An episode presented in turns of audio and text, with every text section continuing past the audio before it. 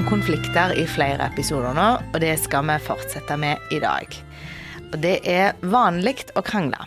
Det fins òg par som unngår konflikter. Jeg kjenner noen. Og det er ikke sånn at det er farlig for dem. Eh, så lenge en er enige om og har det fint med å smile av det, at begge to er konfliktsky, så er det jo greit. Og så vet en ofte da at hvis det dukker opp ting av alvorlig karakter, så må en snakke om det. Og det er ok å finne sin egen måte som par å håndtere uenigheter på. Så lenge dere to kan snakke om det og er enige om at dere vil ha det sånn, så er det helt fint.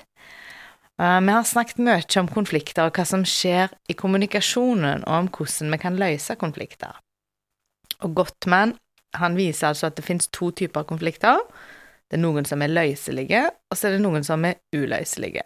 Og nå skal vi snakke litt om hva som ligger bak de uløselige konfliktene. For det kan være ganske mange vanskelige ting som vi er uenige om, og det kan skape alvorlige problemer for mange. Eksempler kan være hvilken religion man vil gi videre til ungene sine. Eller det kan være viktige ting, eh, men som framstår som mer trivielle for eksempel punktlighet. Uh, det å møte presis, liksom. Eller, eller, av og til kan det være banale ting som serviettbretting, som virker tøysete i utgangspunktet, men som liksom av en eller annen grunn er blitt veldig viktige for oss, da. Og definisjonen på at en konflikt er fastlåst, eller at et problem er uløselig, det er når dere har krangla om dette før, uten å finne en god løsning, og ingen klarer å ta situasjonen med humor eller empati eller kjærlighet. Og problemet blir ikke bedre selv om det går tid, og det virker umulig å finne en løsning på kompromiss fordi det koster for mye uh, for deg å liksom gå på noe kompromiss her. Det kan handle om tro, verdi eller sjølbilde. Og i møte med disse konfliktene så er det ikke et mål å finne en løsning på problemet, men i møte med disse fastlåste konfliktene så er målet å faktisk anerkjenne at dette er et problem for oss, og kunne snakke om det uten å såre hverandre. Og uansett hvor ubetydelig eller hvor teit saken kan virke, så vil en fastlåst konflikt være et tegn på at her handler det om noe djupere, om mulig noen drømmer for livet som man ikke har helt klart å uttrykke, eller er helt klar over sjøl heller og som man opplever at hun ikke blir anerkjent eller ikke blir respektert. Disse drømmene kan også representere håp eller ambisjoner eller ønsker som en del av identiteten vår, som er med å gi retning og mening i livet ditt. Ofte kan det ha rot i barndommen.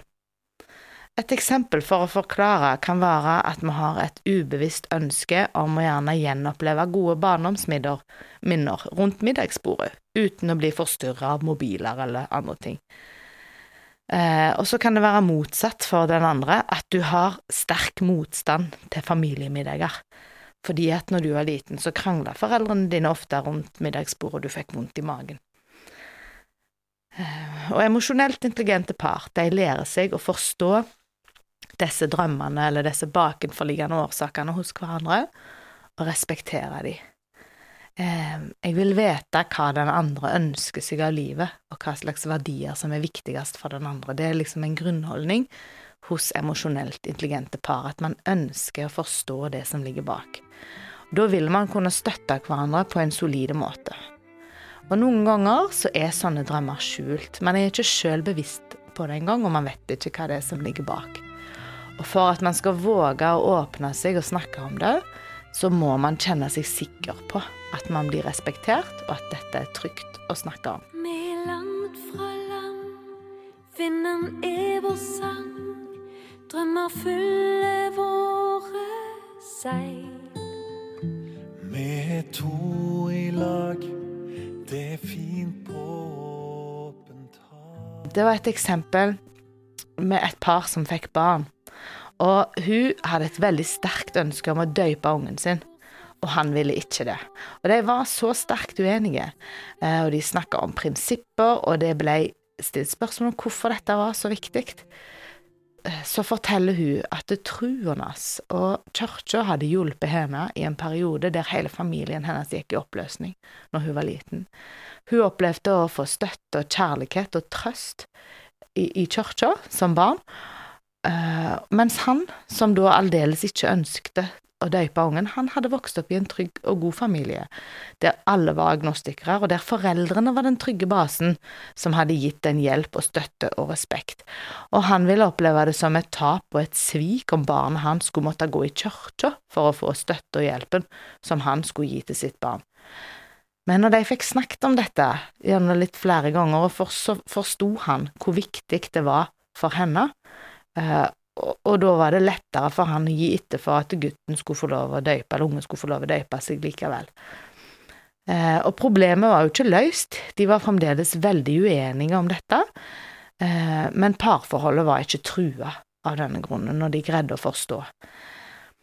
Og jeg har lyst til å oppfordre dere til å være på drømmejakt hos hverandre og hos oss sjøl, for det er viktig at vi jobber med forholdet. Jeg skal si to ord om forventninger. For forrige episode så sa jeg noe om at det er viktig å avklare forventninger, og at vi ikke skal forvente at alt alltid skal være perfekt. Det er fordi det er viktig å snakke sant om livet. Når vi arbeider mye, så blir vi slitne. Det er veldig naturlig å være ekstra trøtt og ekstra sliten i perioder. Og det er vanlig å synes at livet og hverdagen av og til er et ork. Og at noen ganger så er det pyton det å ha familie og ektefeller å måtte ta hensyn til.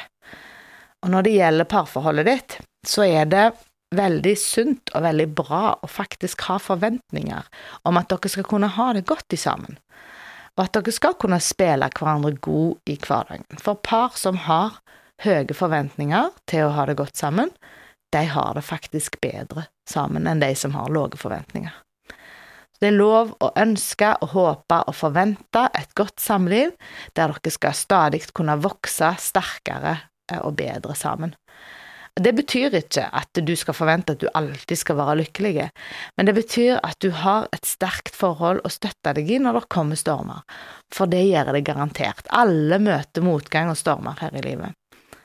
Og alt dette som jeg snakker om i noen få minutter, nå høres gjerne ut som enkle ting, men når det handler om å ha et stabilt og godt samliv, så krever det innsats over tid.